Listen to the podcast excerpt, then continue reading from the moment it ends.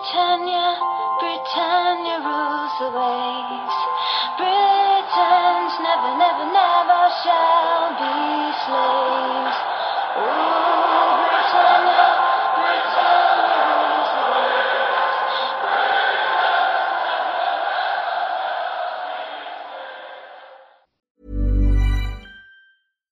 waves. Millions of people have lost weight with personalized plans from Noom, like Evan, who can't stand salads and still lost 50 pounds. Salads, generally, for most people, are the easy button, right? For me, that wasn't an option. I never really was a salad guy. That's just not who I am. But Noom worked for me. Get your personalized plan today at Noom.com. Real Noom user compensated to provide their story. In four weeks, the typical Noom user can expect to lose one to two pounds per week. Individual results may vary.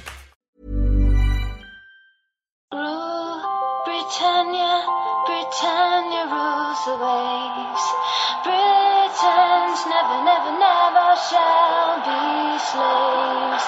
Rule Britannia, Britannia rules the waves.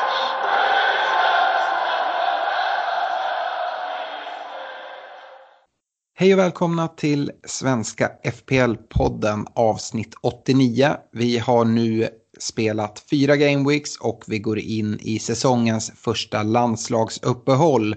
Men podden kommer som vanligt. Vi spelar in idag, tisdag den 6 oktober och agendan för dagens avsnitt är som följer. Vi ska gå igenom den senaste gameweeken här, Gameweek 4 som då kommer här innan, innan landslagsuppehållet. Vi går vidare med en veckans diskussion och varför inte fokusera på transferfönstret som stängde under gårdagen då det hände en hel del. Vi ska se hur det här påverkar eh, de olika lagen ur ett fantasyperspektiv. Och vad, det kan vara nyförvärv som kan vara intressanta men kanske även hur det påverkar befintlig trupp poddlaget. Vi ska gå igenom det och vi kommer stanna till här lite längre än vanligt då Wildcard nu är aktivt. Så vi ska gå igenom lite Wildcard-tankar som vi har och eh, vad vi sitter med för lag just nu. Jag vet att det är väldigt vanligt att dra Wildcard här i landslagsuppehållen så att eh, vi är nog inte ensamma om det så vi ska dela med våra tankar och synpunkter kring de här frågorna och avslutar med era lyssnarfrågor. Eh, ett stort tack till våra samarbetspartners i Olka Sportresor, Unisportstore.se och Glenn Sportsbar. Tack för att vi har så fina priser i våra poddligor. I eh, betalligan så är det precis klart hur eh, prisbordet kommer se ut med, med de olika månadspriserna. Vi har bland annat en aktiv eh, oktober eh, månadspris där det lag som vinner, tar in mest poäng vinner en, en resa för sig och en kompis till eh, Glasgow för att se Celtic. Och det är en resa jag gärna skulle göra. Så eh, det är härligt. Ni som inte har gått med i eh, vår gratisliga eh, och poddligan, se till att göra det. Vi kommer stänga den för eh, att gå med och efterregistrering här inför, eh, lands, eh, inför Game Week 5, alltså efter, efter landslagsuppehållet. Men just nu går det att gå med. Eh, gå in på vår Facebook-sida, Svenska FBL-podden, för att hitta ligakoder om ni inte redan har gjort det. Vi ska hoppa in i eh, den här laggenomgången då det finns massa saker att gå igenom och även den här veckan har vi uppseendeväckande resultat. Eh, Kristoffer, jag tänkte du kan få börja med, med Leicester West Ham. Leicester vann ju Game Week 3 där mot, mot City, tog en rejäl skalp. Men här eh, får man se sig besegrad på hemmaplan med, med 3-0. Ja, man gick på pumpen riktigt ordentligt, ska jag väl säga. Och, eh, man saknade Prätt framför allt, som har gjort det bra säsongs, i säsongsinledningen och legat eh, rätt i position. Och det utnyttjade framförallt då Cresswell som gör det väldigt bra som eh, vänsterback och eh, kommer av plan med två assist. Vilket han inte har gjort på eh, 36 försök de senaste, ja, sina senaste 36 matcher. Eh, intressant fakta. Eh, sen är det eh, ett ytterligare rekord som slås om vi pra ska prata om matcher och mål framöver sen. Men ett rekord är att eh, Antonio Eh, går upp i ensam ledning på flest antal nickmål i Premier Leagues historia. 18 stycken. Och eh, jag tycker att eh, man ska fortsatt hålla kvar vid sina Leicester-spelare. De gör det bra, men eh, här får man ingen utdelning. Man har ett riktigt fint schema. Vardy är intressant. Justin till en billig peng, men även Kastani som högerback. Snart är Madison tillbaks och då får vi se andra, en annan matchbild tror jag. I West Ham så tycker jag att eh, man har lite svårt med defensiven fortsatt. Men jag tycker att man ska gå på Antonio som har visat fin form på slutet här och hålla sig till det. Det var lite kort om den matchen. Jag tror att ni har mycket mer att prata om i framöver så jag lämnar över ordet till er där. Ja, absolut. Jag tänkte bara skjuta in där på West Ham. Jag tycker att de ser jätteintressanta ut. De har haft ett extremt tufft spelschema och det fortsätter ju. De har ju Tottenham borta, City hemma, Liverpool borta innan det sen vänder. Och sen ser ju spelschemat jättebra ut eftersom de har, har mött typ alla lagen. Eh, Antonio ja. som du nämner tycker jag är jätteintressant. Han har ju dessutom sjunkit i pris och kostar bara 6,3 nu. Han har sett superbra ut. En annan spelare som också sjunker i pris som jag gillar jättemycket det är Zuzek. Eh, han kostar nu 4,9. Båda de här spelarna är egentligen spelare som jag tycker man kan kika mot redan nu eftersom att ja, men vi kommer komma till hur, hur Liverpool och City har sett ut exempelvis. Eh, och jag kan absolut se att West Ham kan ställa till det för dem och att eh, både Antonio och Zuzek kan ta poäng. Så att, eh, det behöver inte vara fel att, att ta in redan nu. Men... Och, eh, Corona har ju också varit positivt för West Ham om man ser till att Moyes har hamnat i sjukstuga. Nu ska man inte önska att någon får corona, men det har ju visat sig vara en framgångsfaktor då de har eh, två raka segrar och uh, Irvin har ju gjort det riktigt bra.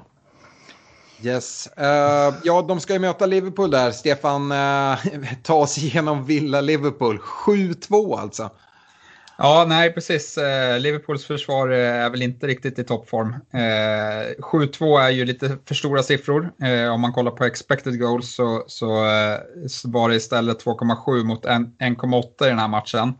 Eh, men men liksom det man ska ta med sig tycker jag är att eh, eh, Ja, men för jag tycker vi har sett det i flera omgångar, Liverpool. De står ju extremt högt upp med backlinjen. Eh, och Eh, då är det väldigt känsligt. Då får man inte tappa eh, liksom spelare på mitten, eh, vilket man gjorde. Man tappade Barkley flera gånger som fick komma rättvänd och, och eh, det blev ganska lätt för Villa att få farliga omställningar här och bara slå, slå bakom eh, Liverpools backlinje. Och det är lite samma tendens såg vi, eh, inte, inte lika ofta mot Arsenal, men det fanns eh, lägen där, eh, där Arsenal också hittade igenom eh, genom att komma rättvänd på mittfält och hitta Lacazette eh, eh, som bara sprang igenom backlinjen. Så att där har de ett problem som de måste lösa, Liverpool. Eh, och eh, det är väl liksom en av de stora frågorna. För vi vet ju vad, vad framförallt deras ytterbackar kan göra offensivt. Men eh, om inte nollorna kommer så, så blir det ju lätt att man har investerat väldigt mycket pengar i de backarna och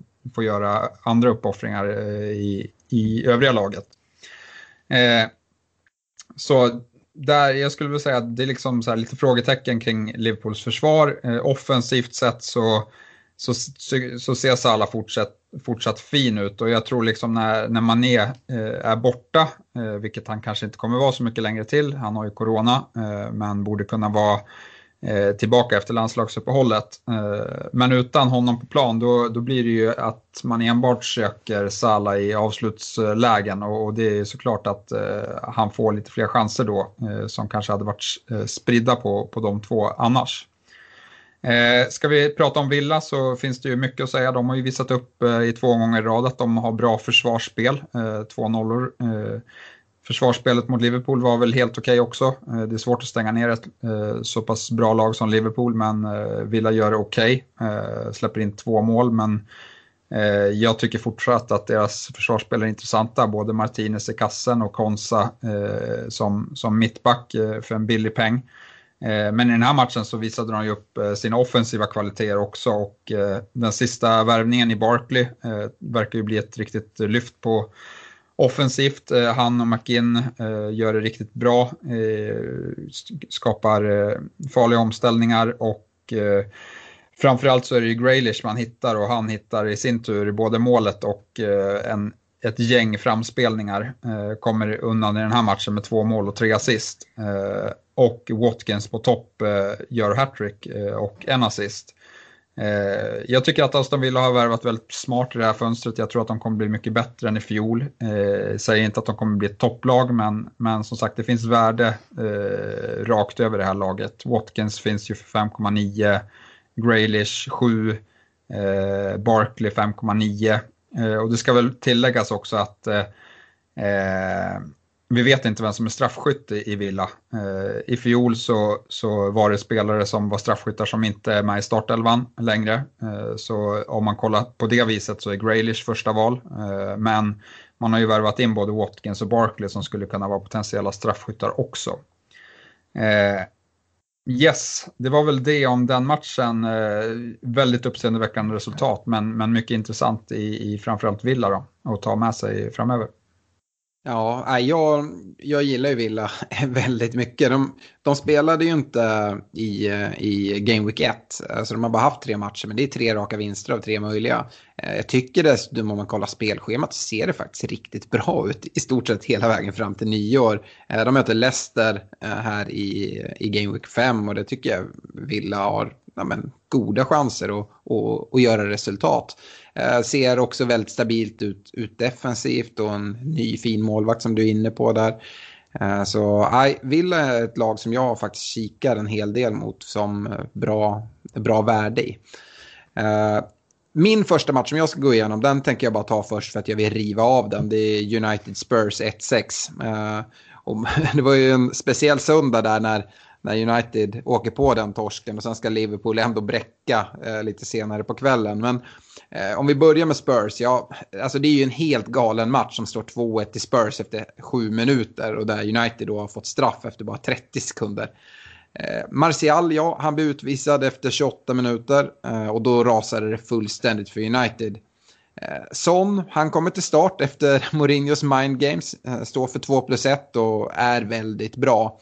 Och jag, jag, frågar mig själv lite hur många transfers vi kommer ha på Son innan säsongen är slut. Man, har, man ser många lag som har bytt in och ut Son till höger och vänster. Och eh, det är fullt förståeligt att det är många som bytt ut Son inför den här, eh, den här omgången. Men det är nog väldigt många som, som ångrar sig där och nu blickar mot att ta in honom nästan, nästan direkt. Så att, uh, det, det måste vara den spelare som har haft mest transfers, både in och ut här om man ser, lägger ihop det. Uh, Doherty, han får inleda på bänken och uh, jag tror vi kommer få se lite rotation här. Jag, jag, skulle inte sitta kvar med Doherty. Det är mycket pengar uppbundet. Eh, uh, Orer ryktades ju bort mycket i början här av säsongen men han blir kvar. Och dessutom i den här matchen när, när han spelar så gör han det riktigt bra. 1 plus 1 blir det i, i matchen. jag såg någon Eh, som höll på mm, liksom analyserade i communityt eh, kring att eh, man spelar Aurier för att Reguljon, har kommit in på andra kanten. Reguljon är så offensiv, då vill man inte ha både Doherty och Reguljon inne. Fast jag köper inte alls det, för jag tycker att Aurier är minst lika offensiv eh, han. Men jag tror att det kommer bli rotation och att eh, Doherty och Aurier kommer få, få turas om lite om, om speltiden där på, på, på högerkanten. Eh, Alli han får komma in lite halvt in i värmen igen. Uh, fick ett inhopp i den här matchen. Uh, tidigare har han varit helt ut, eh, utanför truppen. Jag tror att han kommer ta sig tillbaka. Han är ju kvar i, i Spurs trupp och han kommer förmodligen få, få en del chanser där framåt. I och för sig så gör det Ndombele det riktigt bra på hans position i den här matchen. Eh, Spurs, ja, de har West Ham hemma, Burnley borta, Brighton hemma, West Bromwich borta efter landslagsuppehållet innan ett nytt landslagsuppehåll väntar efter Game Week 8. Eh, ja, jag förstår att man kollar mot Spurs eh, och det är ju Son och Kane som sticker ut. Eh, för mig så tycker jag att eh, det finns så mycket intressanta eh, forwards som är mycket billigare än vad Kane är. Eh, så, så jag kikar nog mer mot, mot Son där. Och uh, en intressant sak att kolla på är att Son och Kane tillsammans har skrapat ihop 89 fantasypoäng på de här fyra gameweeksen den här säsongen. Och eh, för att sätta det i lite perspektiv så har hela Uniteds trupp 72 poäng. I och för sig på tre gameweeks men jag tycker ändå att det säger en hel del. Om vi då ska prata United, vi måste väl göra det. Uh, den här matchen Eh, var i och för sig den första då jag såg lite offensiva tendenser som jag gillade. Eh, det vill säga fram till minut 28 då United blir en man mindre. Och därefter är det ganska, ganska svårt att bedöma Uniteds anfallsspel tycker jag. Eh, defensivt däremot, ja, där finns det mycket att säga. Eh, både innan och efter utvisningen så är det fullständig hönsgård i försvaret. Lindelöf, ja han är bänkad, det tror jag i och för sig bara han är glad över. Och han borde kunna vara tillbaka illa kvickt efter de insatserna vi får se från egentligen hela den bedrövliga backlinjen. Jag tycker Shaw gör det riktigt svagt. Maguire vet jag inte vad han sysslar med. Bajy. Uh, uh, det, det, är fullständigt kaos i, i, uh, i försvaret. Och det är inte bara backlinjens fel, men det här är, är helt bedrövligt. Uh, Bruno Fernandes ja, men det är som jag sagt tidigare, det är den enda man lugnt sitter kvar med om man har honom i laget. Då han fortsatt kommer att ta poäng oavsett hur, det, hur laget ser ut i övrigt. Eh, när de offensiva tendenserna fortsätter så är Greenwood eventuellt ett namn att, att övervaka nu när transferfönstret ändå har stängt och ingen större eh, ytterkonkurrens har, har dykt upp.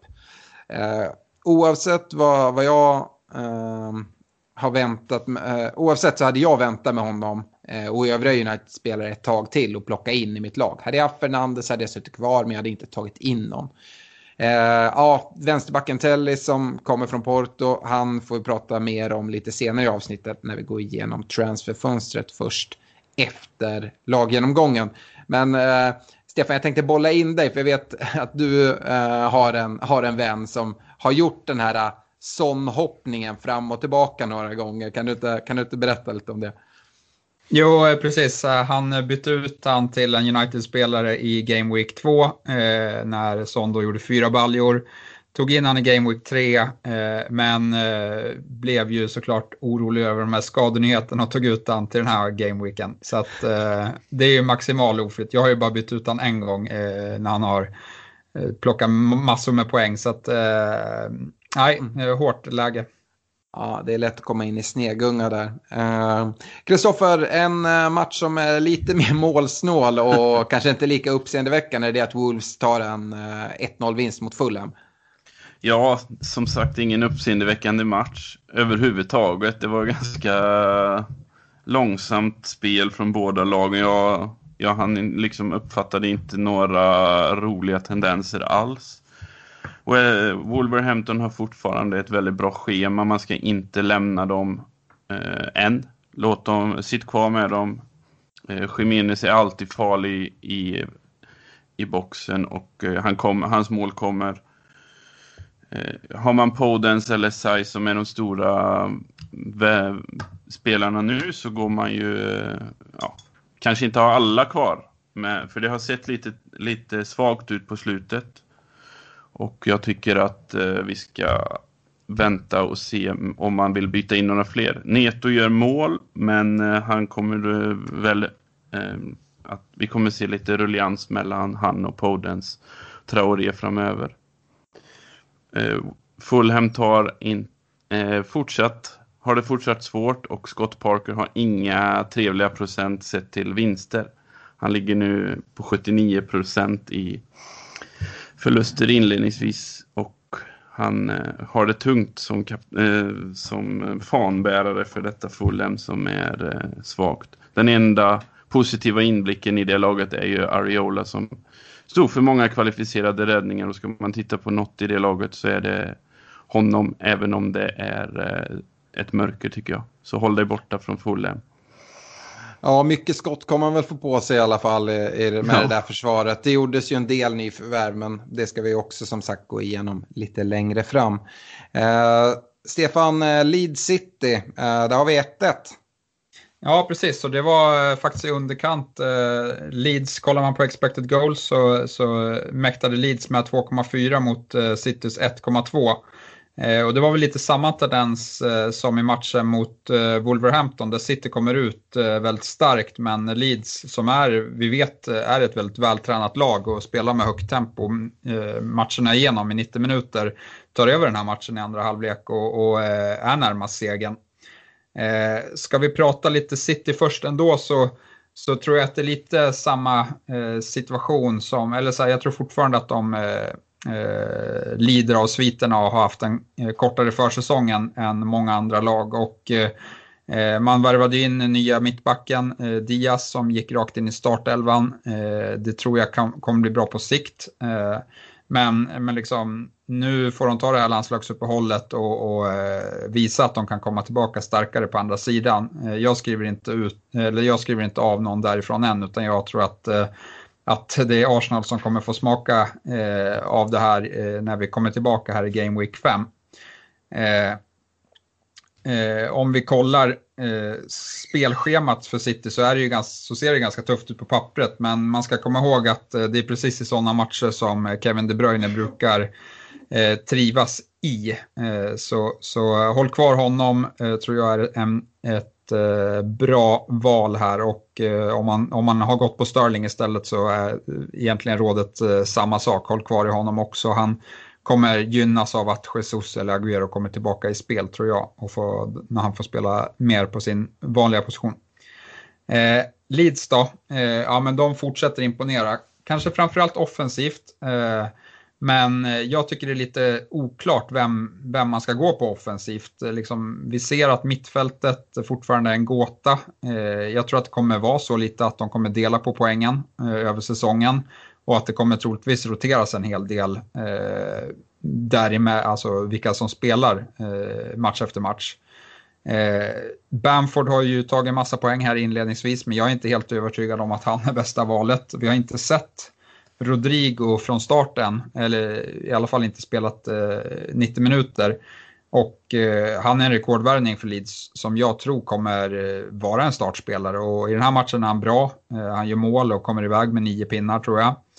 Eh, så ja, jag hade avvaktat lite till och liksom fortsatt analysera Leeds offensiv innan jag, så att man får rätt spelare därifrån och inte gå på, på någon som man inte vill ha sen. Eh, däremot så tycker jag att man kan säga tillräckligt mycket om ytterbackarna i Dallas och Eiling som ser eh, fina ut offensivt för 4,5. Och i en säsong nu som där det verkar bli väldigt få eh, nollor så, så tror jag absolut att de kan vara alternativ då eh, både Dallas och Eiling kommer till lägen. Eh, jag tror att jag håller Dallas lite högre då han eh, kommer in i boxen med många av sina avslut medan Eiling mer tar ta långskott. Men om, om man vill ha någon som är absolut säker på sin plats så går nog Eiling lite före Dallas då han är lagkapten. Men som sagt, eh, Leeds när de möter sämre lag borde kunna ha tendens, eller borde kunna ha möjlighet att hålla nollan eh, när de har anpassat sig lite mer mot, eh, i, till Premier League-tempot, tror jag i alla fall. Mm.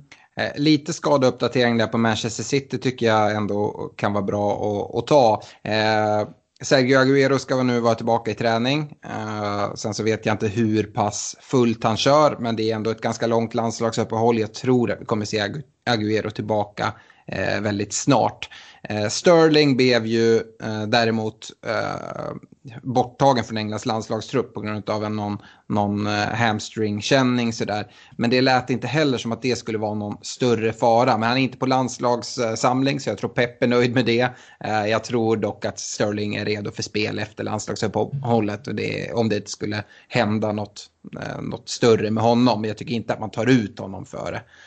Vi kommer få mer besked senare. Nej, vi har ju vi har ju sett sånt här tidigare också att folk droppar av från ja. landslagsuppehåll. Så att, eh, visst, det kanske inte är träningsmatcher så, men jag vet inte hur, eh, hur liksom prioriterat Nations League är just nu. När, eh, så ja, det känns lite som träningsmatcher i alla fall.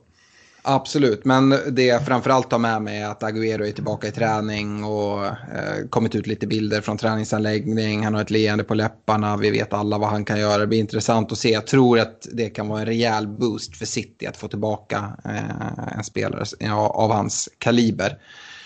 Eh, jag tänkte gå vidare med eh, Everton-Brighton, en match Everton vinner med 4-2. Och Eh, vi börjar väl med eller serieledarna och laget med full pott efter fyra omgångar, Everton. I den här matchen eh, så missar Allan och Gomes eh, matchen, men det påverkar inte Everton nämnvärt, vilket är imponerande. Richarlison som drogs med en ankelskada kom, kom till spel men tvingades av redan i minut 25 och in istället kom Iwobi. Eh, det här är en match med, med en del skador så även Coleman tvingades ut med en hamstring i matchen. Eh, så för Everton kommer nog det här landslagsuppehållet ganska lägligt och kanske få samla krafter på de skadade spelarna. Den spelare som verkade gynnas mest av de här omformuleringarna i laget var nog ändå Ducoré eh, som kom med fint flera gånger i offensiven från sin mittfältsplats. Eh, så eh, han, jag tror framförallt där när, när Richarlison togs ut och Iwobi kom in så, så tyckte jag att det, eh, det gynnade Dokore en hel del. James Rodriguez, ja men det är en spelare vi måste prata om. Det var en spelare som jag på riktigt övervägde att skeppa iväg efter den här gameweeken. Då det känns lite som att han står för de här hockeyassisterna. Han gör jättebra insatser, han gör alla spelare runt sig väldigt mycket bättre. Men, men blir det nog poäng? Ja, eh, nu, nu ser jag han 2 plus 1 på, Bright, eh, på Brighton. Och eh, blir ju svår att skeppa iväg. Men jag är ändå inte helt övertygad än om, om att Chamez är eh, den fantasypoängspelare som, som man vill eller om man ska gå på de som uh, dra, utnyttjar hans fina spel.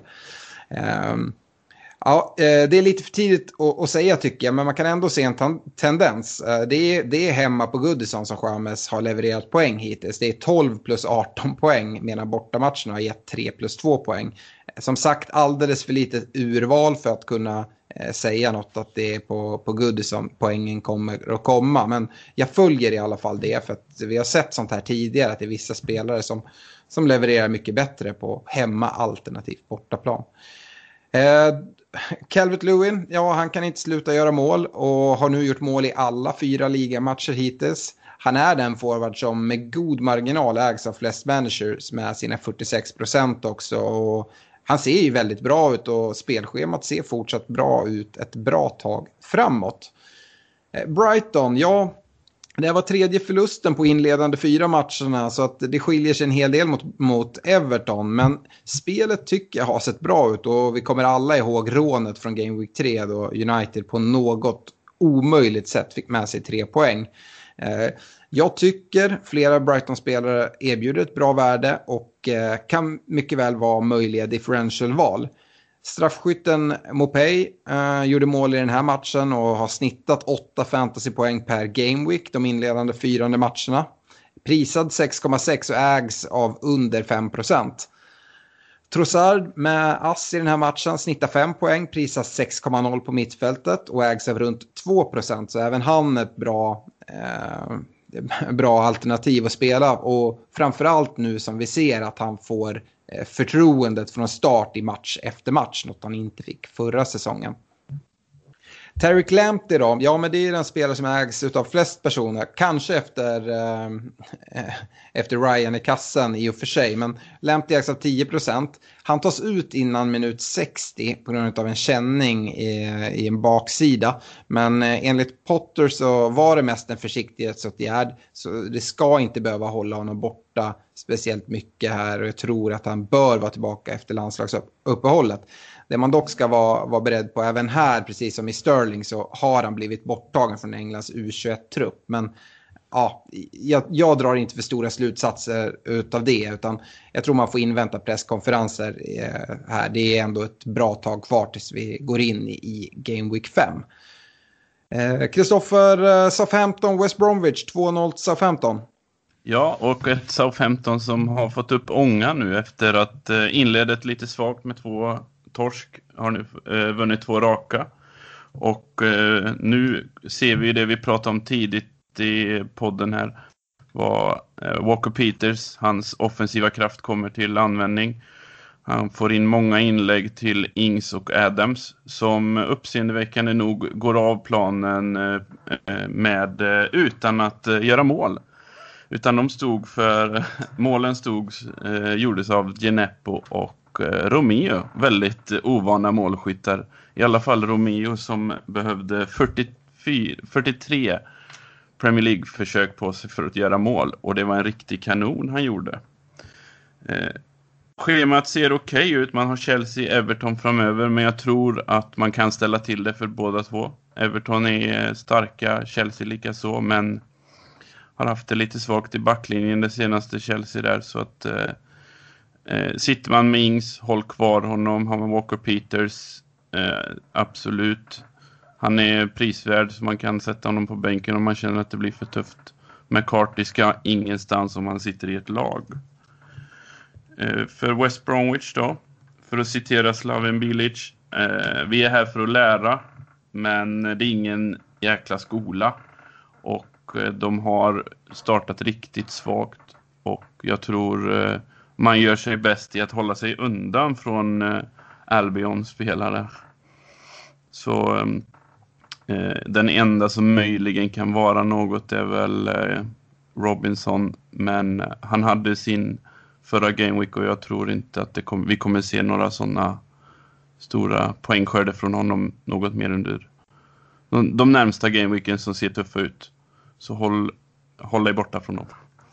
Ja, jag har ju pratat West Brom lite tidigare och jag vill fortfarande hävda att eh, jag tycker att Pereira på mittfältet ändå kan vara en intressant eh, billig, eh, billig mittfältare att ha. Han kommer vara inblandad i, i det offensiva West Brom gör och ta alla fasta situationer. Så att han tycker ja. jag eventuellt, det är inte så att man, man, man, måste ta in honom på något sätt, men det, det, är en spelare som jag förväntar mig kommer ta en del poäng när vi, när vi summerar eh, säsongen.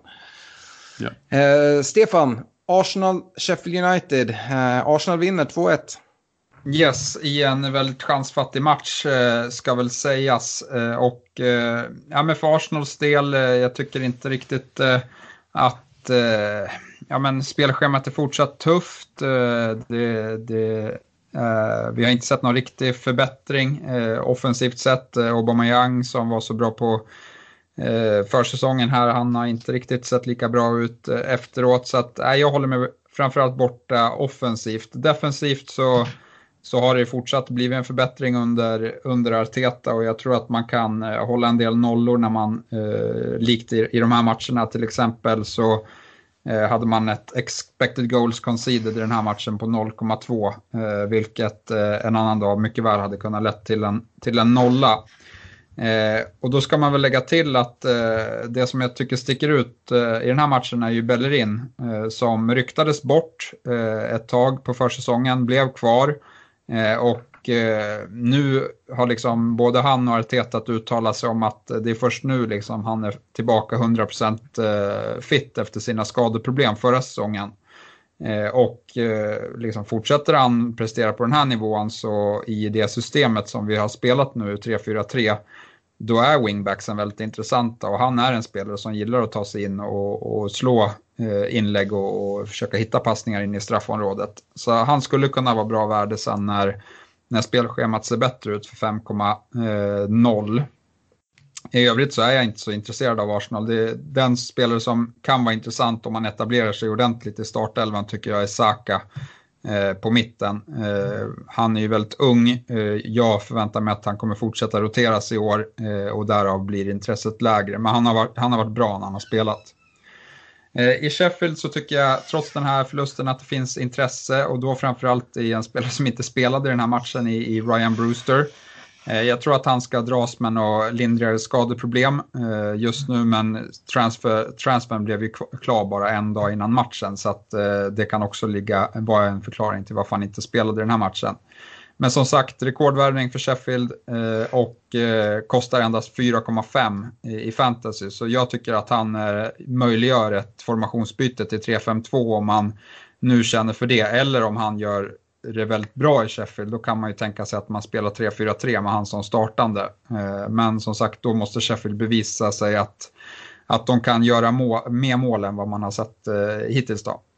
Vi har även eh, svar lite på frågan eh, i backlinjen då O'Connell gick sönder, eh, ryktas om hela säsongen. Eh, och där hade ju både Robinson och eh, eh Amadou eh, spelade då Igen var avstängd förra gameweeken. Men nu var Igen tillbaka och det var Robinson som fick eh, chansen i trebackslinjen. Han kostar endast 4,4 så billigare än samtliga eh, övriga Sheffield-backar och eh, kan vara ett vä en väg in i deras försvarsspel som vi vet kan eh, göra det bra i matcher där de har chans att vinna på hemmaplan framförallt.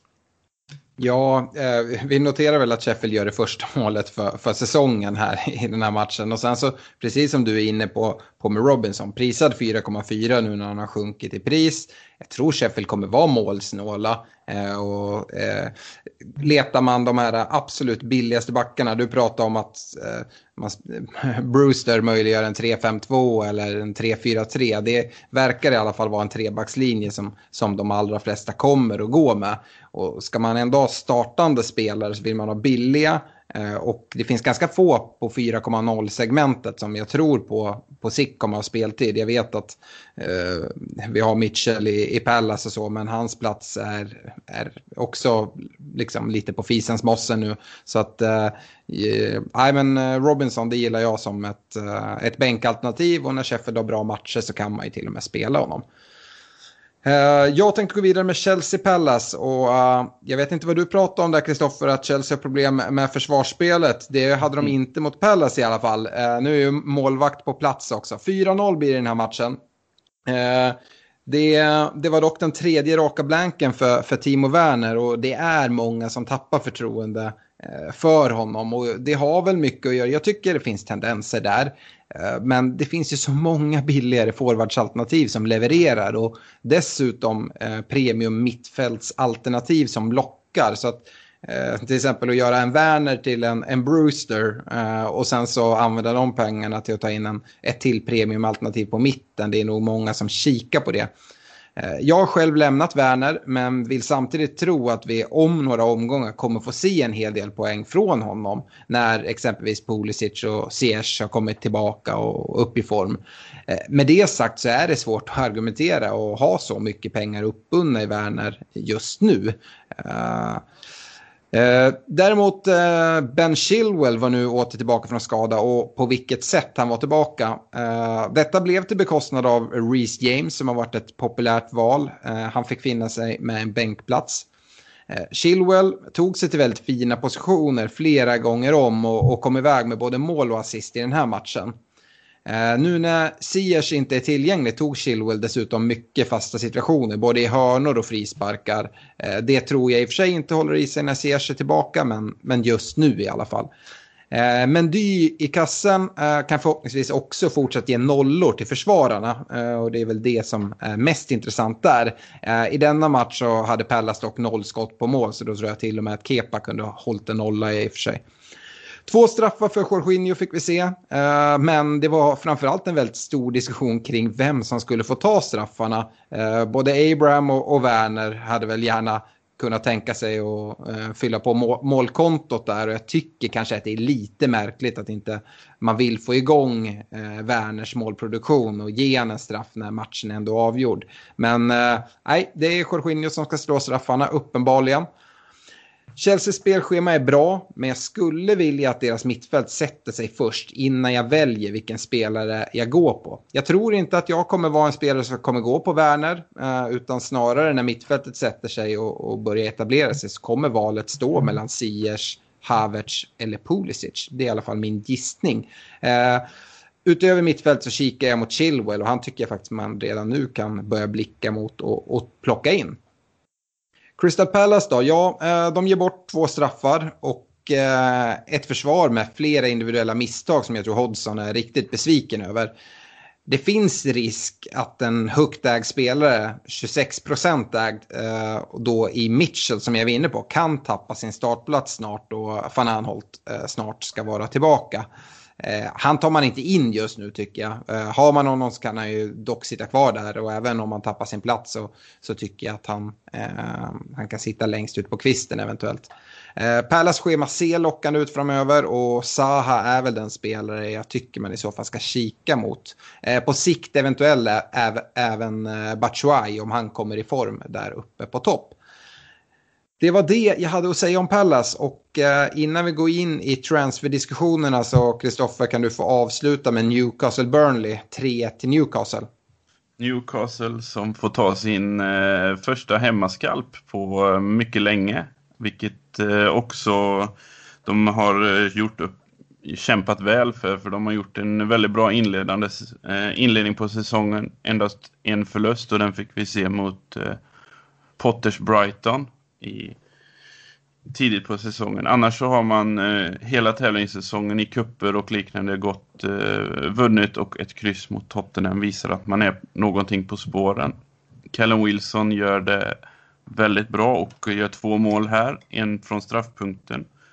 Visar sig eh, vara en eh, väldigt bra värvning då han är eh, den första Newcastle-spelaren som gör eh, mål i fyra raka matcher sedan 95 någon gång om jag såg rätt.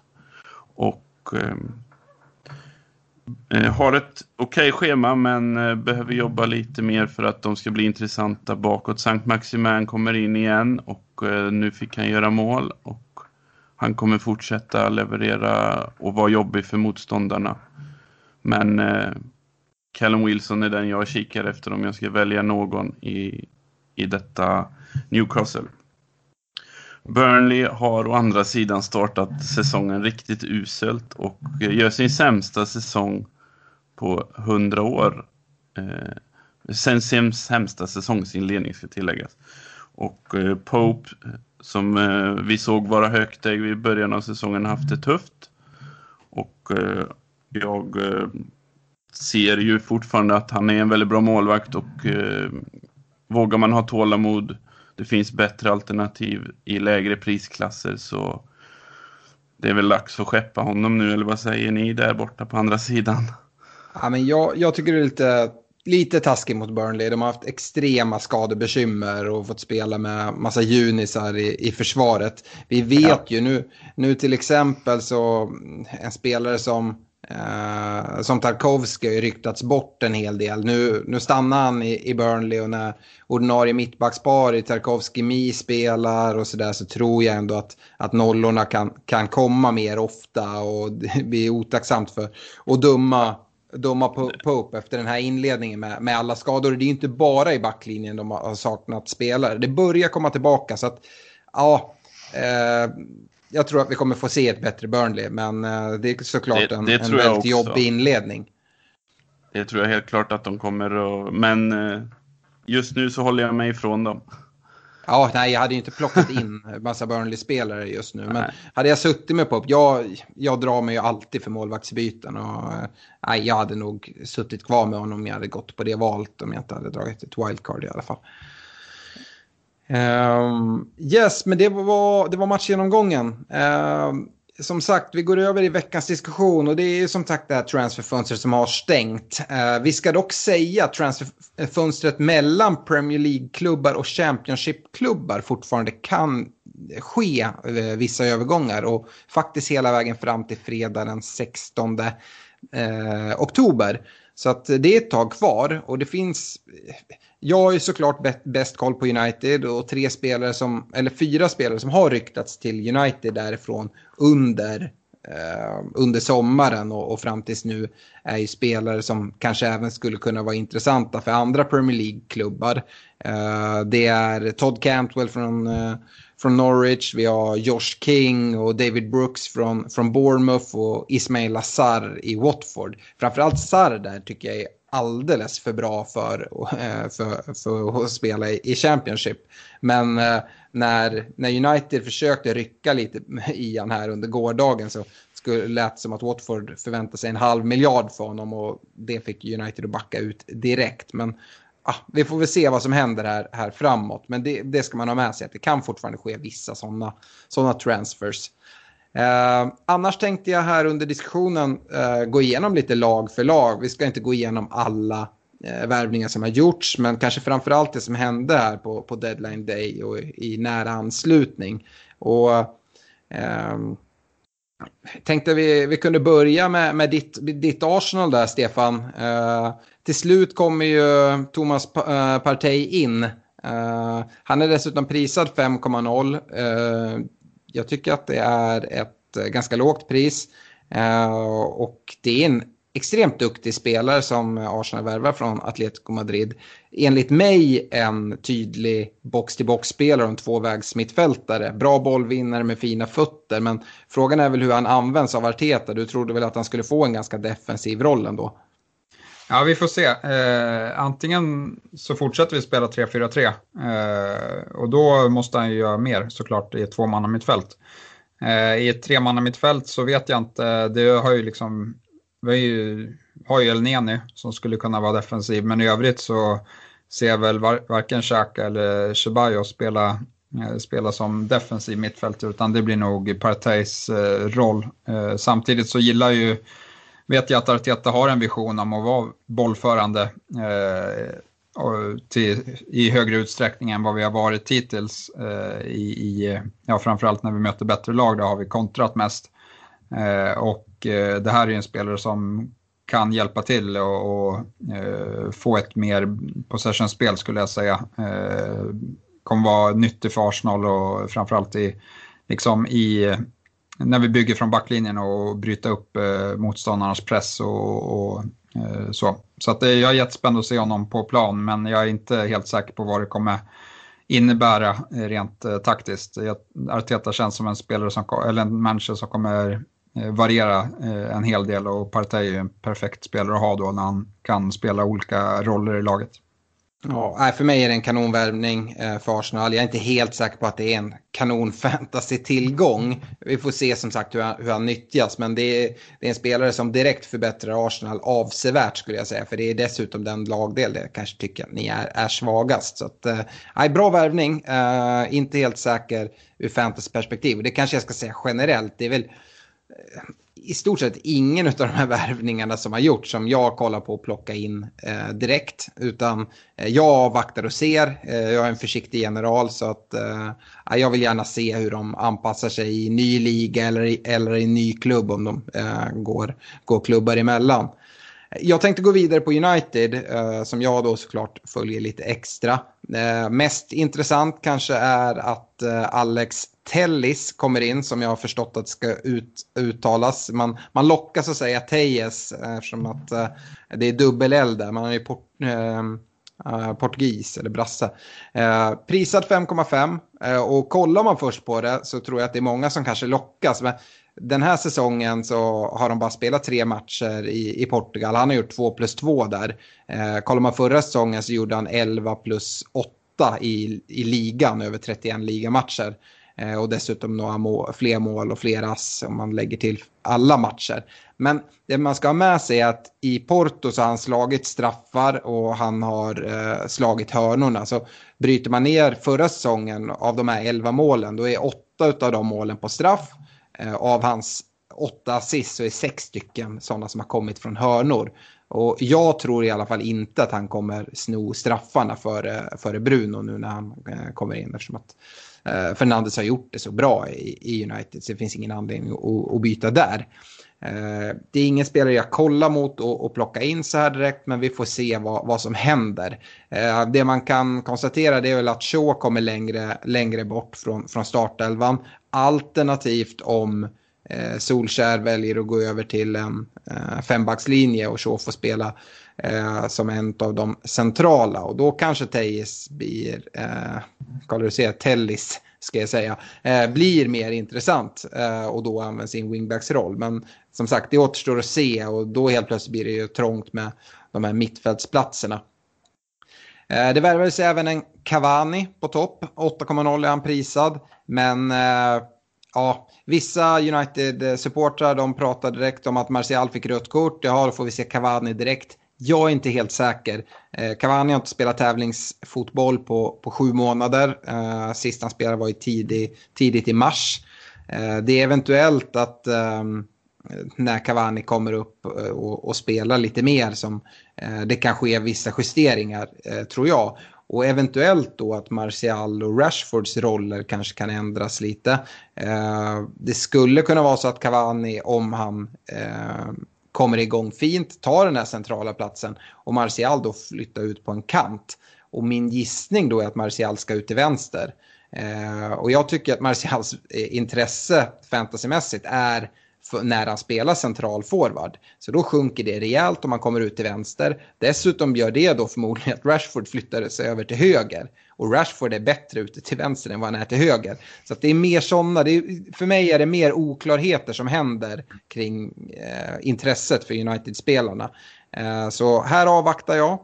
Eh, och eh, avslutningsvis då så är det ingen Jadon Sancho, egentligen ingen annan ytter som kommer heller. Det är en, ett 18-årigt lufte från Uruguay i eh, Pelistri eh, som kommer in. Men eh, det, jag ser inte att han ska hållas högre än vårt stora egna luft i, i Mason Greenwood. Och som sagt, vi får se vad som händer med Cavani och skifte och sånt. Men Greenwoods konkurrens har inte ökat jättenämnvärt på, på högeryttersidan i alla fall. Är det någonting någon av er vill lägga till där om, om United?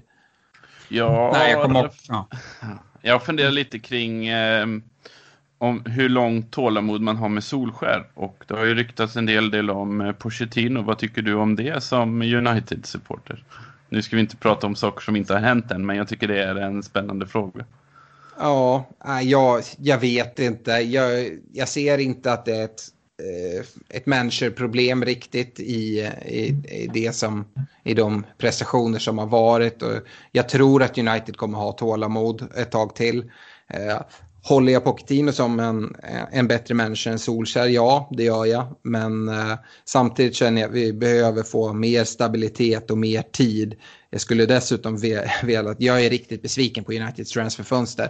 Och att man agerar så här mycket under en deadline day tycker jag eh, bara utbrister eh, liksom i vilken vilken panik man har. Eh, Cavani till exempel, en free transfer-övergång. Han har stått utan kontrakt sen, sen i juni. Hade man velat ha honom, varför tar man innan deadline day? Det är bara att plocka in honom direkt. Då hade han fått spelat fotboll eh, och varit inne i laget och varit inne och upp i matchtempo nu.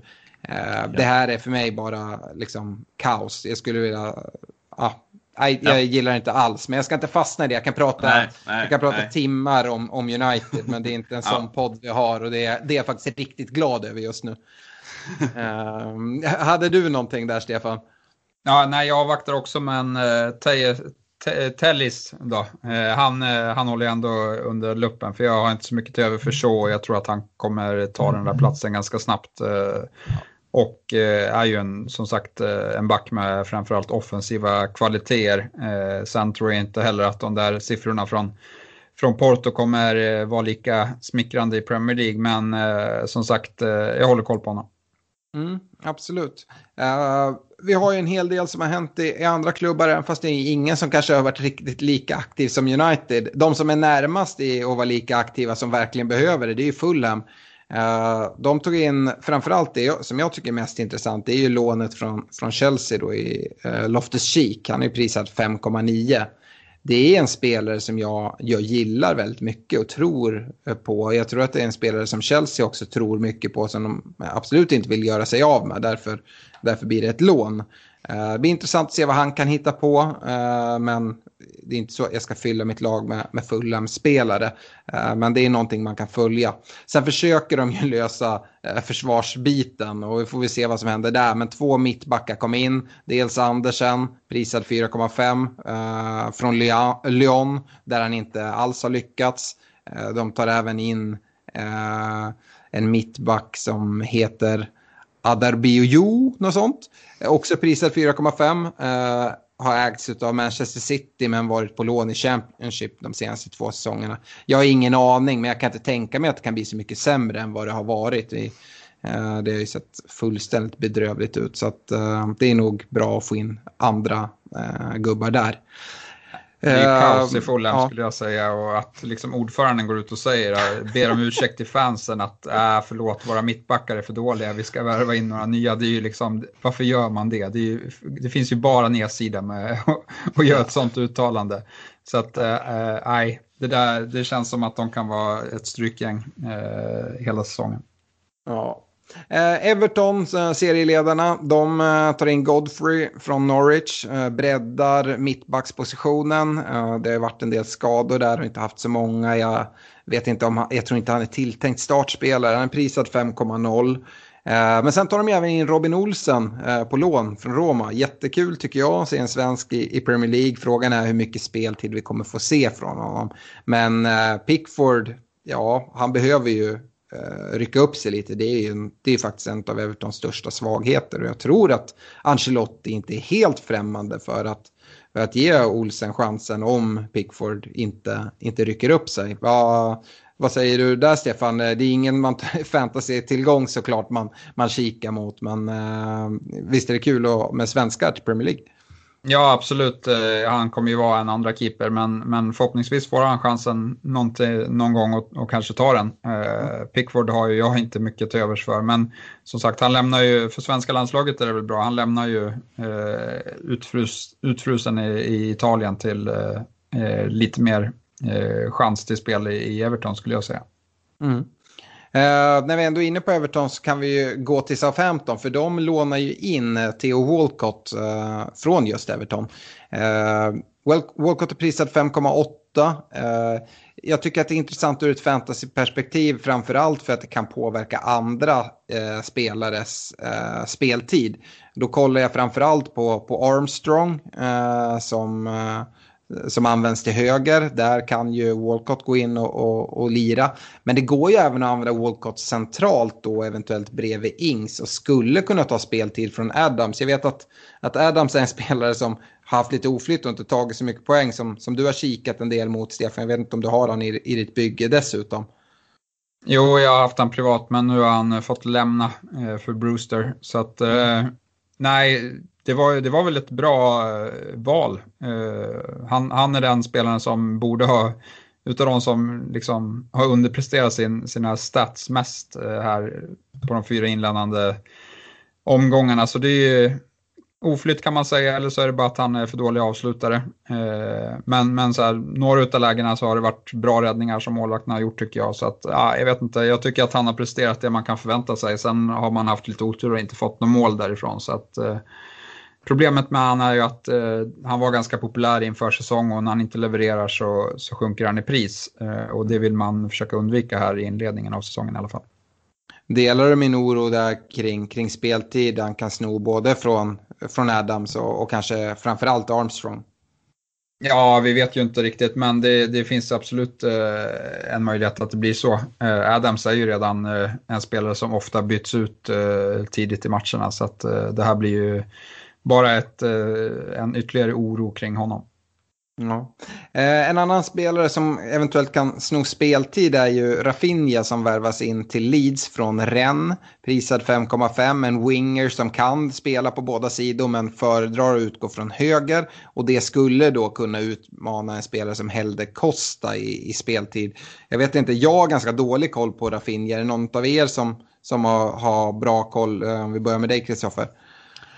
Nej, jag har sett väldigt lite av honom eh, det senaste och han hade ju eh, han kom upp när han var ganska ung men eh, på senare tid har jag inte följt honom alls. Jag har inte sett utvecklingen på honom och har väldigt dålig koll men Helde Costa ligger, har gjort det bra men ligger risigt till som du säger.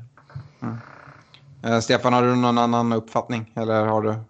Nej, men det var lite som jag var inne på i min matchgenomgång av Leeds att jag tror inte man kommer Dels så tror jag att poängen kommer spridas ganska mycket, att eh, Bielsa kommer eh, välja spelare som han tror passar den förväntade matchbilden han ser framför sig.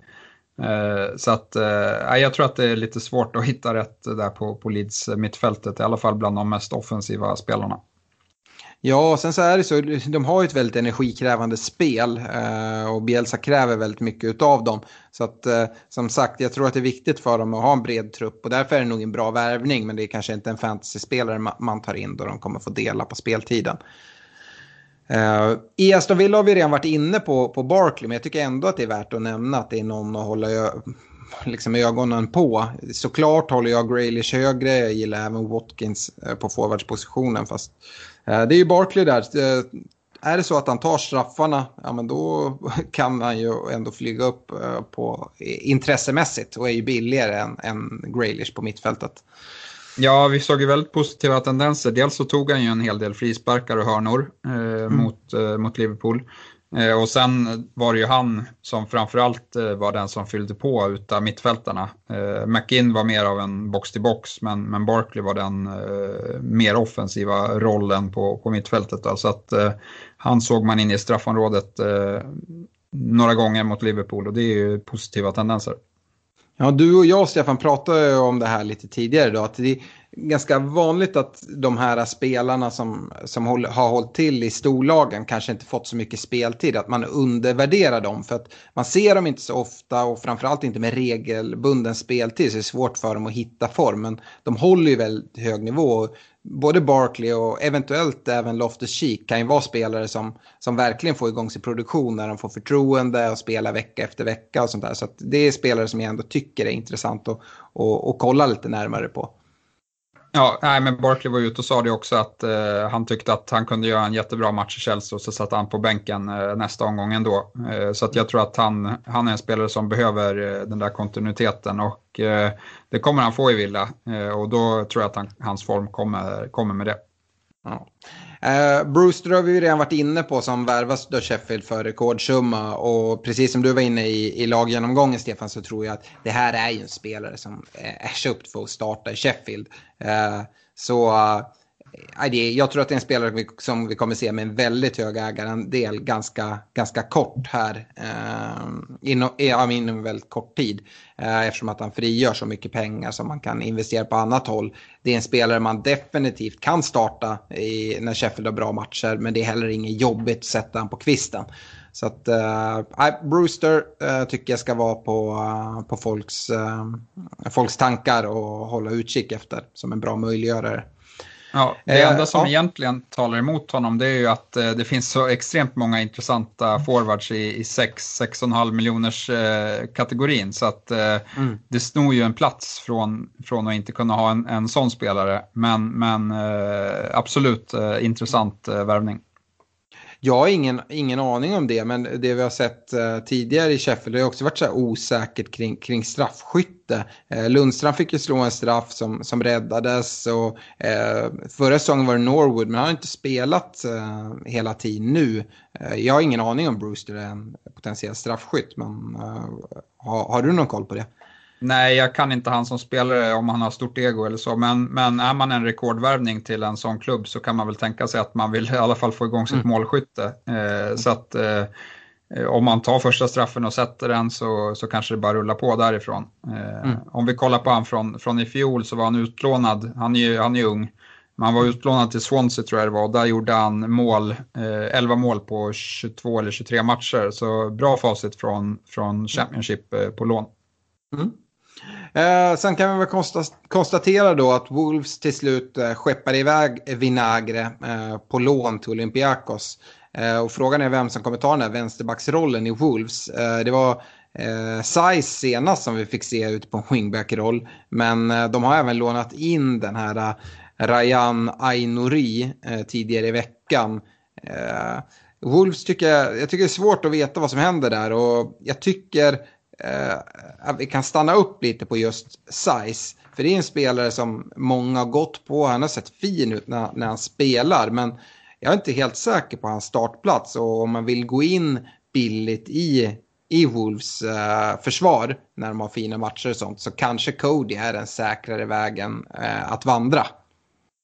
Ja, precis. Eh, jag är inte heller helt säker, för som du sa, han spelar wingback. Vad händer när Marsall är tillbaka? Jag tror att han går före som wingback, men det är inte helt säkert att han tar tillbaka sin mittbacksplats eh, då han var svag mot West Ham framförallt. Eh, så att, eh, ja, lite osäkerhet där och det kan ju vara värt också att betala upp för Semedo för 5,5 om man har råd med det eh, och få lite mer offensiv potential då vi såg att Semedo likt Doherty fyllde på en hel del här mot eh, svagare motstånd. Mm, uh, ingenting vi behöver prata så länge om, men Aston Villa de, eh, de släppte ju Nyland i kassan. Och jag vill ta upp det eftersom jag ser att han ägs av nästan 14 procent. Så att, uh, det kan vara bra att ha med sig. Nu är det en 4,0 målvakt oavsett, men uh, ja, han, är, han, han, kommer absolut inte spela eftersom han inte spelar i Premier League längre. Konstaterar även att Burnley fick behålla Tarkovski eh, och att eh, Garcia är kvar som mittback i City. Förväntar mig dock ingen speltid överhuvudtaget.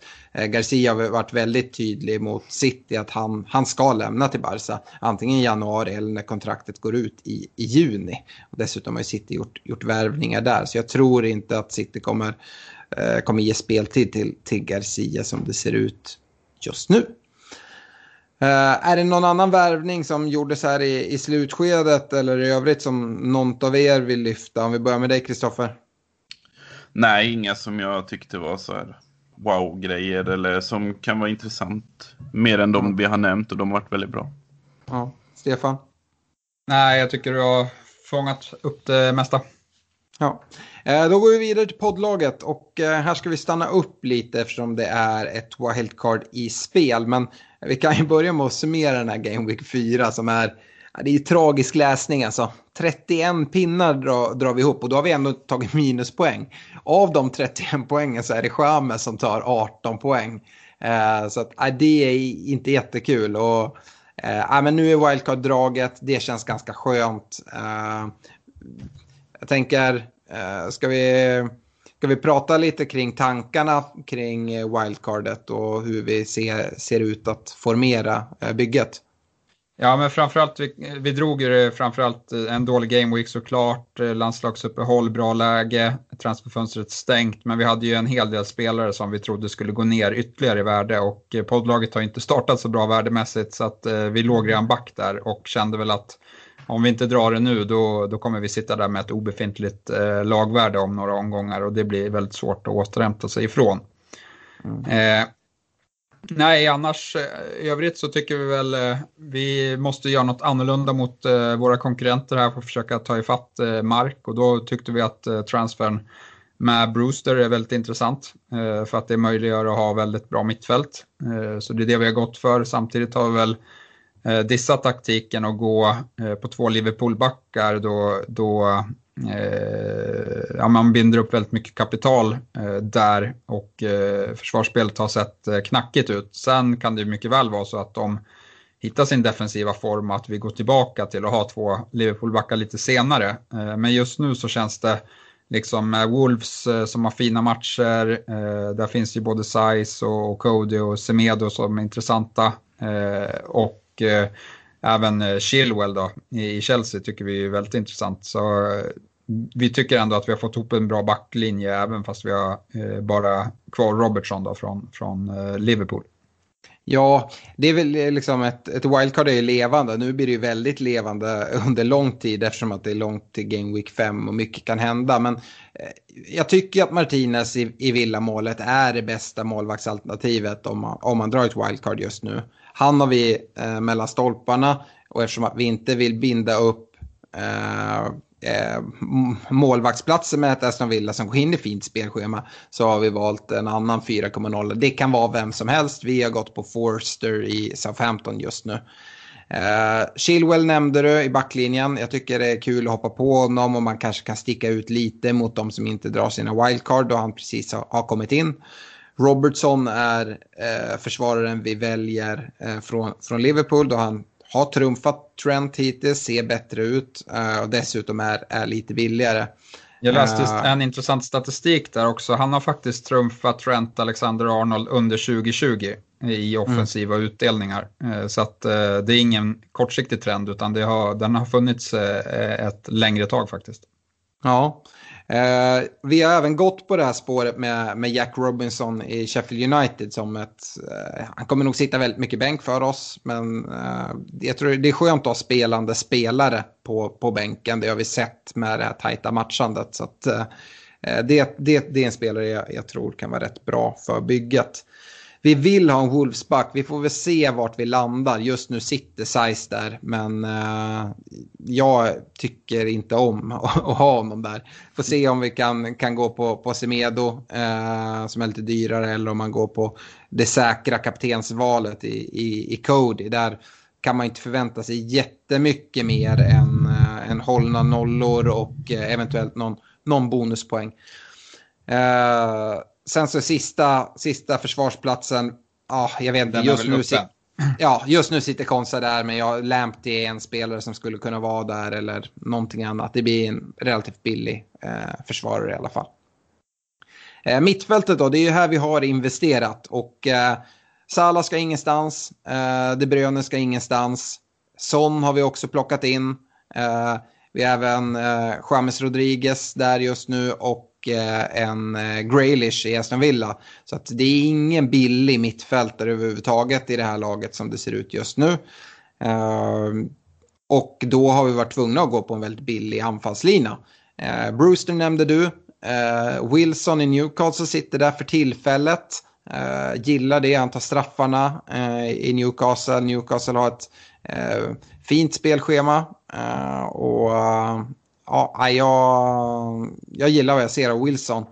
Eh, sen så den sista platsen tycker jag, på anfallssidan tycker jag hålls uppe. Just nu när vi kollar på, på laget så sitter Mopey och eh, där eh, så har vi valt. Jag vet inte, jag är inte helt övertygad om Mopey utan kanske hellre vill satsa på Watkins där och då få lite pengar över som man kanske kan ja, men göra, göra size till eh, Semedo exempelvis eller så. Men det finns ju en hel uppsjö med, med forwards, eh, framförallt i den här billiga priskategorin i, i eh, ja, med Antonio gillar jag jättemycket. Vi har Chris Wood i Burnley som skulle kunna visa sig vara ett alternativ på sikt. Och ja, men massa billiga forwards där. Det innebär att man blir tvungen att gå utan väldigt bra anfallsexempel eh, såsom Kane eller Jimenez och Ings och sådär. Men jag är inte helt säker på att differensen mellan budgetvalen på, på mittfältet kommer vara lika, eh, lika stor som det är på forwardsidan. Vad, vad säger du Stefan? Nej, jag tror också på det att eh, budgetanfallarna kommer vara närmare i poäng eh, mot budgetforwards än vad eh, motsvarande ekvation på mittfältet eh, där premiummittfältarna tror jag kommer eh, ha ganska stor differens till eh, de billigare mittfältarna. Eh, I alla fall av det man har sett inledningsvis här så tycker jag att det finns väldigt många eh, fina mittfältsval att gå på. Mm. Vi är inte helt, helt beslutade i exakt hur det här wildcard-laget kommer se ut och vi kommer fortsätta diskutera det i kommande avsnitt eftersom att det är, vi har tid på oss här under landslagsuppehållet. Men Eh, just nu ser det ut som att vi går på Brewster i alla fall och sen vilka kollegorna bredvid blir är oklart. Jag vet inte om jag eh, funderar för mycket kopplat till den här Aston Villa-prestationen mot Liverpool och vill gå på Watkins tillsammans med, med Wilson i Newcastle. Men det är nog de som ligger längst fram för mig just nu, även fast jag såklart också gillar, gillar Antonio. Men eh, ja, jag vet inte om jag är lite för tidig där. Eh, nej, eh, och sen det, även kopplat till Antonius tycker jag ju att Zuzek ska finnas med i diskussionen på mittfältet. Men som sagt, eh, det kanske inte är läge nu när man drar wildcard här och ta in Zuzek redan nu, utan han kan man nog i sånt fall plocka in längre fram om man märker att någon av mittfältarna inte levererar som de bör.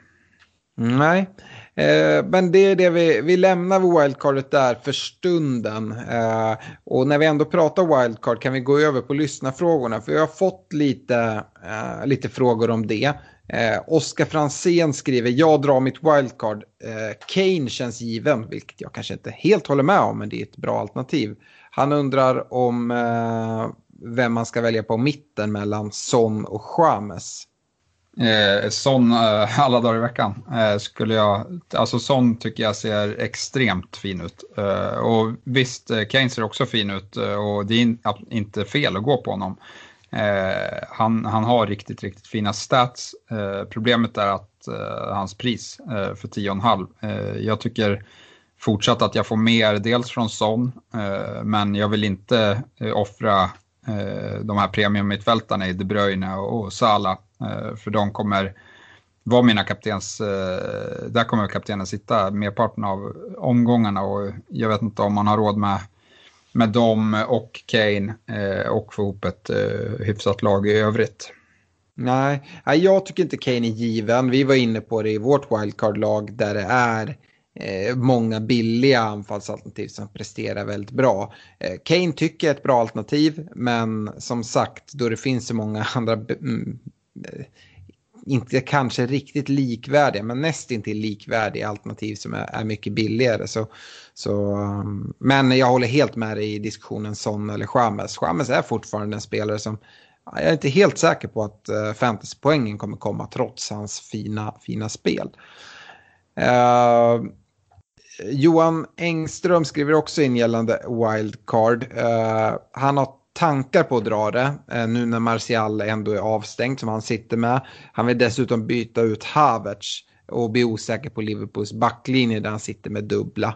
Eh, ja, han, han undrar lite hur man ska väga för och nackdelar med att ta kanske åtta minuspoäng eh, kontra ett wildcard.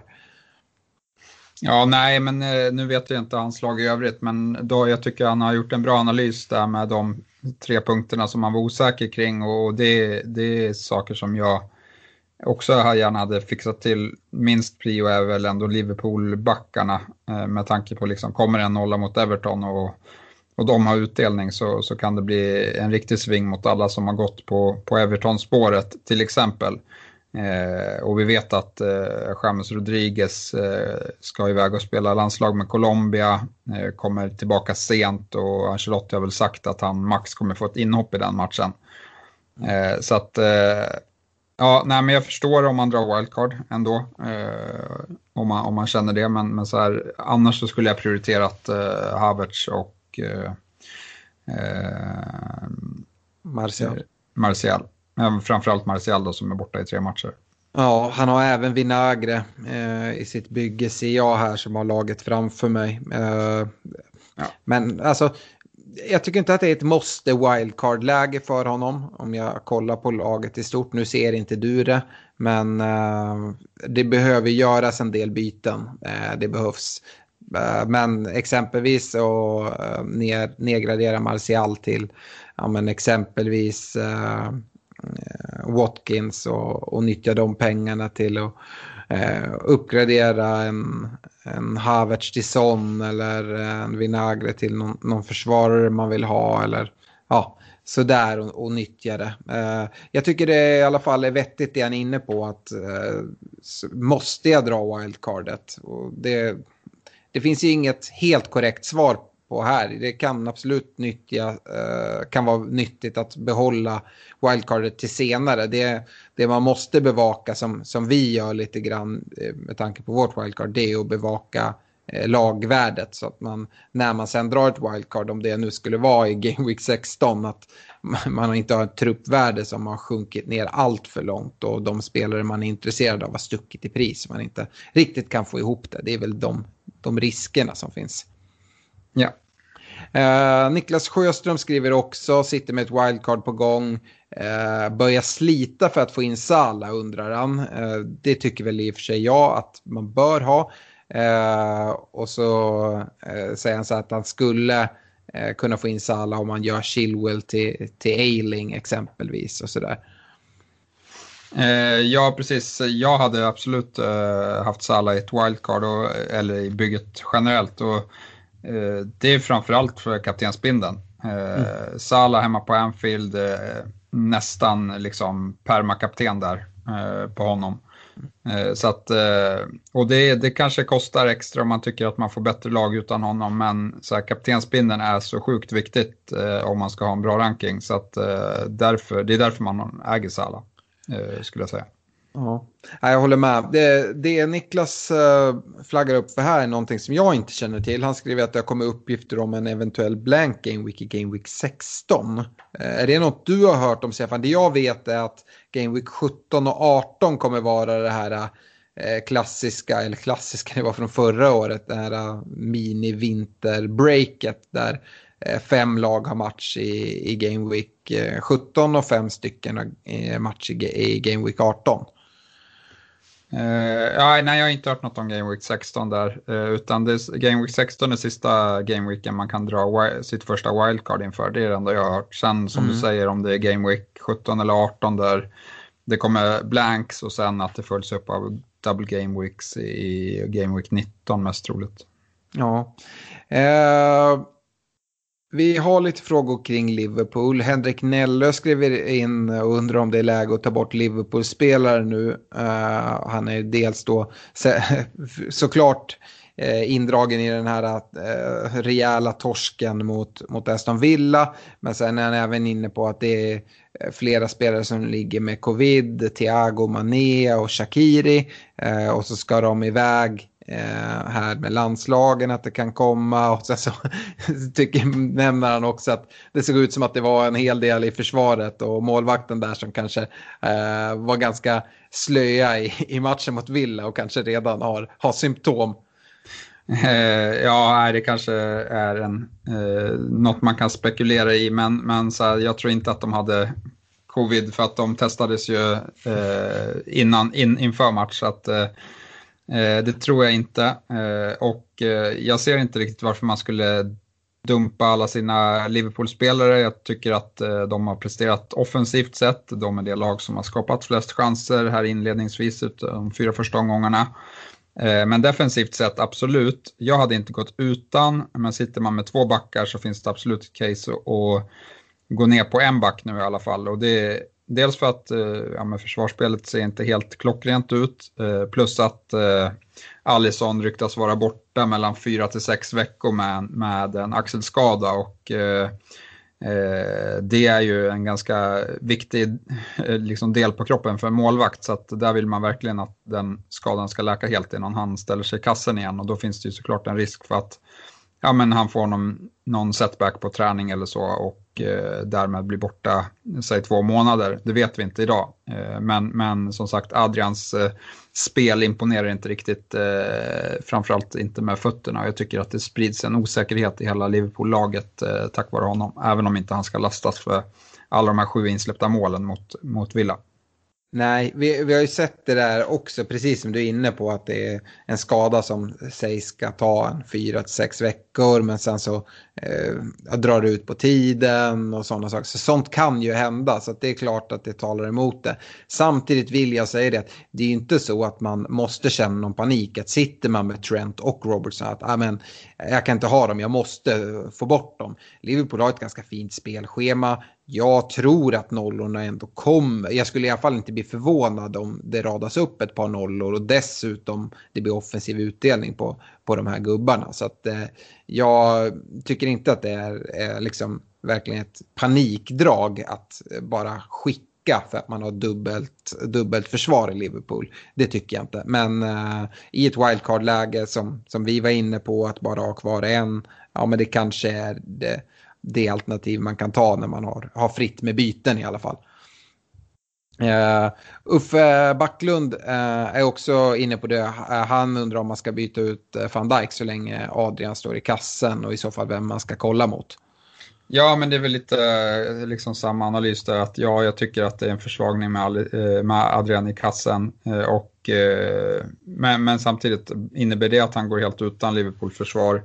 Ja, men det kanske är okej okay i hans läge som har van Dijk för att eh, det jag är mer intresserad av ytterbackarna i alla fall. Eh, mm. Så att eh, fine om man gör det. Några starka alternativ där som är billigare är ju framförallt Ben Chilwell, eh, Nelson Semedo tyckte jag såg fin ut i, i Wolves om man har råd med honom. Eh, eh, kommer ha mer offensivt hot än, än de flesta Wolfsbackarna Eh, i ett fint spelschema. Eh, ja, det är framförallt de eh, två som, som jag tycker är bästa valet om man ska eh, sälja en Liverpool-back här. Vill man spara in ännu mer pengar så tycker jag faktiskt den här som du nämnde i Arsenals laggenomgång att Bellerin på 5,0 skulle kunna vara ett alternativ också faktiskt. Ja, eh, jag hade väl väntat lite till eh, tills matcherna blev bättre för Arsenals del, men mm. eh, som sagt eh, lite längre fram så absolut ett alternativ. Mm. Eh, den andra frågan Uffe har, eh, han skriver att han sitter med De Bruyne och funderar på att byta till Son. Han vill ha våra tankar kring det. Jag gillar ju inte att ta ut De Bruyne. Eh, nej, precis. Det är nog ett ganska populärt eh, byte eh, generellt i den här omgången bara för att man tycker sådana så, så bra. Men eh, jag, just nu sitter jag med kaptensbindeln på De Bruyne faktiskt eh, mot, eh, mot Arsenal. jag tror på honom i den matchen och jag tycker att Arsenal har visst eh, skärpt till sig lite grann defensivt men jag tror att borta mot City blir en, en tuff uppgift och senast vi spela borta mot City så, så gjorde De Bruyne det väldigt, väldigt bra och han kommer väl med största sannolikhet få spela i den där framskjutna rollen eh, igen mot Arsenal. Ja, jag, jag förstår att man vill ha in sån och det, det backar jag helt fullt ut. Men äh, alltså, det är svårt. För mig är det Bruyne en sån där spel, precis som Sala. Det är ett kaptensalternativ varje vecka. Och äh, det är skönt att ha både De Bruyne och Sala och typ över hela säsongen dessutom. Eh, Albin Andersson är inne lite på vet, något som både du och jag gillar, Stefan. Eh, det är West Ham och undrar vad vi tycker om dem. Eh, de har sett bra ut nu men har Spurs, City och Liverpool framför sig. Eh, han undrar om man efter de matcherna eh, ska kika på att ta in någon av Bowen, Zuzek eller Antonio. Ja, jag gillar Antonio väldigt, väldigt mycket. Jag tycker han har haft otur som inte fått mer utdelning här i inledningen. Presterar jättefina siffror trots tuff motstånd. Det gäller i, i och för sig hela, hela West Ham. Eh, men Antonio är även straffskytt, har gått ner till 6,3 i, pris. Så att eh, ja, jag gillar honom skarpt. Eh, och visst, Bowen är i bra form nu, men jag är inte säker på att det är en spelare som kommer ha liksom, den här höga nivån över hela säsongen. Osäker där. Zuzek tycker jag är ett bra budgetalternativ på, på mittfältet och han har ju en roll där han hela tiden tillåts fylla på in i boxen och är väl typ eh, 1,95, 2 meter lång så att det är svårt att stoppa honom när han kommer. Mm. Ja, men, och både Zuzek och Antonio har gått ner i pris från sitt ut, ursprungsvärde. Det finns absolut eh, att man kan invänta där, men jag tycker inte att det är helt fel att plocka in en West Ham-spelare, eh, även med de här spelarna. Det, det är Liverpools försvar som vi har sagt har ändå en del frågetecken runt sig. Det är ett uh, City som inte heller har sett helt hundra ut och inte Spurs heller. Det, det tycker inte jag. Det är en 6-1 vinst mot United men uh, alltså försvarsmässigt var det, var det stökigt innan de blev en man mer. Uh, och vi har även sett i de andra matcherna att ja, det kanske inte är helt, helt hundra där. och och West Ham gör det ju bra. Nej, precis. Så är det någon spelare jag hade gått för då, då är det Antonio. För det kommer ju finnas yta bakom både City och Liverpools backlinje. Och eh, om det är någon spelare som ska utnyttja det så, så är det ju Antonio tror jag. Mm. Eh, Rasmus eh, Lundqvist hör av sig. Undrar om det är dags att skeppa iväg Werner och Doherty. Och i så fall mot vem? Eh, ja, alltså Werner eh, tycker jag väl man har gjort rätt i som har hållit tills nu. Eh, de har förvisso Southampton nästa match, men som sagt, hur mycket tålamod ska man ha med honom? Eh, jag tycker framförallt så om han har sett, visat tendenser så har det ändå funnits billigare forwards som har visat eh, mer tendenser än vad han har gjort. och därav så hade jag, hade jag gått på någon annan och då ja men vi pratar väl, ja men liksom, äger man inte Calvert Lewin så, så är han ett alternativ. Eh, annars så gillar jag de här straffskyttarna för 6,5 i, i Mopey och, och Wilson. Mm. Eh, Doherty eh, kan jag ta. Jag tycker definitivt att Doherty är en spelare man ska byta ut. Jag var, var på det i laggenomgången. Ore eh, blev kvar. Han kommer sno speltid. Doherty kommer såklart spela han också. Men i, i vilken utsträckning? Eh, Ore gjorde det bra mot United, eh, försämrade absolut inte sina aktier. Så att eh, Doherty tycker jag är alldeles för dyr att sitta med. Jag tycker varken man sitter med, med Ore eller Do Doherty utan där går man på en, en ytterback i Spurs så är det Reguillon skulle jag säga som eh, är billigare dessutom eh, än Doherty. Så, eh, men eh, jag hade tagit ut honom eh, och gått på ett billigare alternativ. Vi har pratat en del. Eh, vi pratade en del om, om, om Chilwell och ja, men när vi sa vilka man kunde byta, byta in istället för van Dijk. Så det är väl samma spelare som gäller här egentligen. Uh, Marcus Gustafsson, uh, byta ut Fernandes och Bamford mot Jorginho och Kane. Uh, för, alltså ja, det, det, är klart att det skulle kunna, eh, det skulle kunna falla väl ut. Eh, men eh, jag vet inte. Fernandes känns som att han tar poäng oavsett hur det går för United. Eh, och eh, nu eh, byta ut han när de ska möta Newcastle, det känns ju som att det, det finns ju katastrof skrivet över det bytet direkt känner jag. Eh, så jag, jag tror inte jag hade gjort eh, det. Även om Kane har sett fin ut så, så vet jag inte om jag hade gjort det. Jag är ju så här tråkig och alltid säger att man ska gå på sin egen magkänsla i sådana här fall. Men personligen, Alltså han måste ha sitta med ett förbannat fint bygge om det är liksom ett sånt dubbelbyte han kollar mot. För jag tycker varken Fernandes eller Bamford skriker problemspelare kring sig. Och har han inga större problem än så, ja, aj, aj.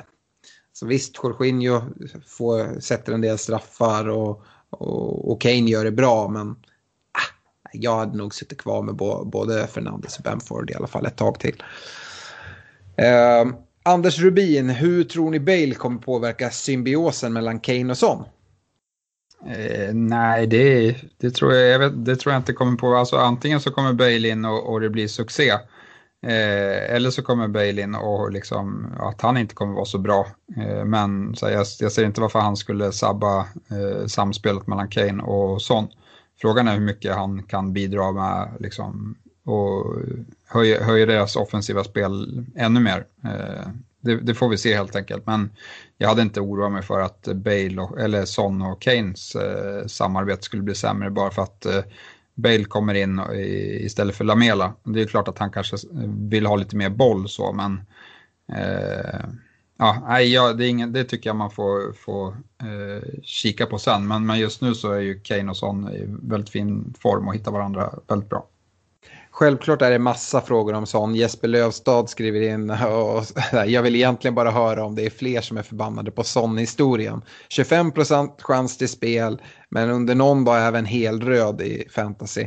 Sen går han in som startspelare och öser in poäng igen. Fortfarande upprörd, men vet inte om jag ska vara det på sån, eh, FPL eller eh, Mourinho.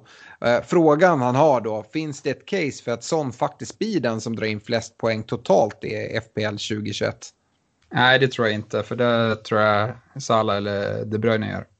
Ja. Eh. ja jag, jag, jag, håller helt med. Det, det är lätt hänt att man dras iväg här eh, tidigt i säsong. Jag tror heller inte att Everton kommer vinna Premier League, eh, även om det ser jättebra ut för dem. Sen, sen, vet jag inte, det, ja, det kanske var lite mind games så, men jag, så mycket mind games tror jag inte det var. Jag tror att Mourinho var ganska ärlig på sin presskonferens. Han sa ju faktiskt att eh, jag tror inte att han kommer vara redo, men eh, jag kommer heller inte säga att det är omöjligt, för Son, Son verkar säga att han kommer vara redo. Eh, så det var den informationen man hade inför på presskonferensen. Och eh, hade han, hade, hade han däremot sagt så här, men Son, han är skadad, då kunde man ha varit förbannad på Mourinho. Men det här var nog ett ganska ärligt utlåtande. Och faktum var ju att de spelade en extremt viktig kvalmatch i Europa League på torsdagen, där Son inte var med i truppen. Och hade han varit liksom mer frisk så hade han nog varit med på bänken där. Eh, mm. för att eh, det, var, det är mycket pengar det handlar om att kvalificera sig för Europa League. Så det var något som Spurs satsade på i alla de här kvalmatcherna och spelade starka lag. Eh, så att, jag tyckte han var ganska ärlig faktiskt, Mourinho. Son får väl lite väl förtjänt vila nu. Visst är det så att uh, Sydkorea inte har några, nå landslagsmatcher va? Ja, nu har jag inte bekräftat det men när jag googlade så stod det att de var inställda i alla fall på uh, det jag fick fram på Google. Så att jag tror att han uh, inte ska iväg med landslaget. Ja. Eh, Simon Nilsson undrar vad vi har för tankar kring Wolves. För han har möjligheten att ta in Harry Kane men måste då offra Jiménez tillsammans med en av sina mittfältare och han sitter med Salah som Foden, De Bruyne och Podens. Han har 1,3 i banken också. Eh, ja, men Foden är en mittfältare som jag skulle kunna tänka mig offra. Eh, dels har han inte varit så bra här, som City har inte varit bra överlag, men, men som sagt eh, att Citys anfallsspel har har varit knackigt gör ju att någon ska bort från, från deras offensiv när forwardsen kommer tillbaka och eh, då kan det vara en ung spelare som Foden som blir den som offras eh, då det finns mer etablerade spelare i Sterling och Mares till exempel. Så han hade jag inte haft något problem att eh, offra just nu och jag hade egentligen inte haft något problem att offra Jiménez heller. Jag vet att det är fina matcher och att han eh, brukar vara pålitlig så. Eh, men som sagt, eh, jag tycker absolut att Kane är ett eh, bättre alternativ över eh, ja, de här fyra matcherna som, är, som ska spelas eh, i landslags, eh, ja, i, innan nästa landslagsuppehåll. Så att, eh, nej, det är en intressant, eh, intressanta, intressanta byten. Och sitter man med Son och Kane och, och de fortsätter leverera, då, då kommer man avancera. Nej, men det tycker jag låter vettigt. Uh, Podens är väl svår att uh, nedgradera för att få ihop med tillräckligt med pengar för att göra Jiménez till Kane. Men uh, Salah, Salah, Son och De Bruyne, de tycker jag inte man rör. Foden däremot, ja varför inte nedgradera Foden till en, säg Zuzek och Jiménez till en Kane. Det tror jag kan vara ett riktigt power move. Sista frågan går ju vidare till Erik Steineck och han funderar på att ta in Brewster men vill avvakta till någon dag innan deadline, vilket jag i och för sig tycker låter sunt. Uh, han undrar om det finns någon risk att han kan gå upp i pris uh, om många tar in honom nu, även fast han inte har spelat en enda match. Ja, det finns alltid en risk. Det är folk som byter in honom, men, men eh, man ska även ha i åtanke att eh, det är väldigt mycket wildcards just nu och att de här pris eh, Eh, sidorna som framförallt FPL Statistics som vi använder inte är speciellt träffsäkra när det, när det flyger så mycket wildcards. Så att eh, han kan stå på 100% men ändå inte gå upp eh, ett tag skulle jag tro. Eh, det känns som en spelare som, som många tar in på, på just eh, wildcard också.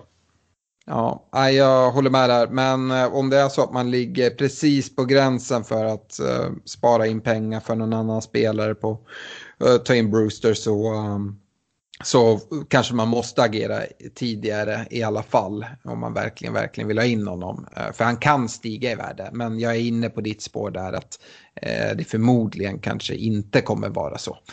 Eh, med det så, så tackar vi eh, för oss. Vi eh, kommer återkomma innan Game Week 5 är tillbaka.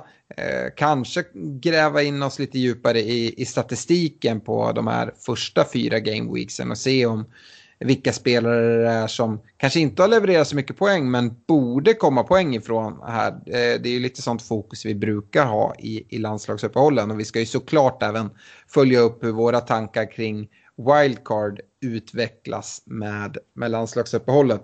Om man inte sitter med ett wildcard eh, tycker jag att det är väldigt klokt nu att ta det lugnt med sina byten. För att eh, Många spelare som är ute med landslag reser runt i världen. Jag tror att vi kommer få en del eh, covid-besked under de kommande veckorna innan det är dags för Game Week 5. Eh, så håll hårt i era byten om ni inte sitter på ett wildcard. Eh, tack för, för vår del och eh, på återhörande. Tack så mycket, ha det bra.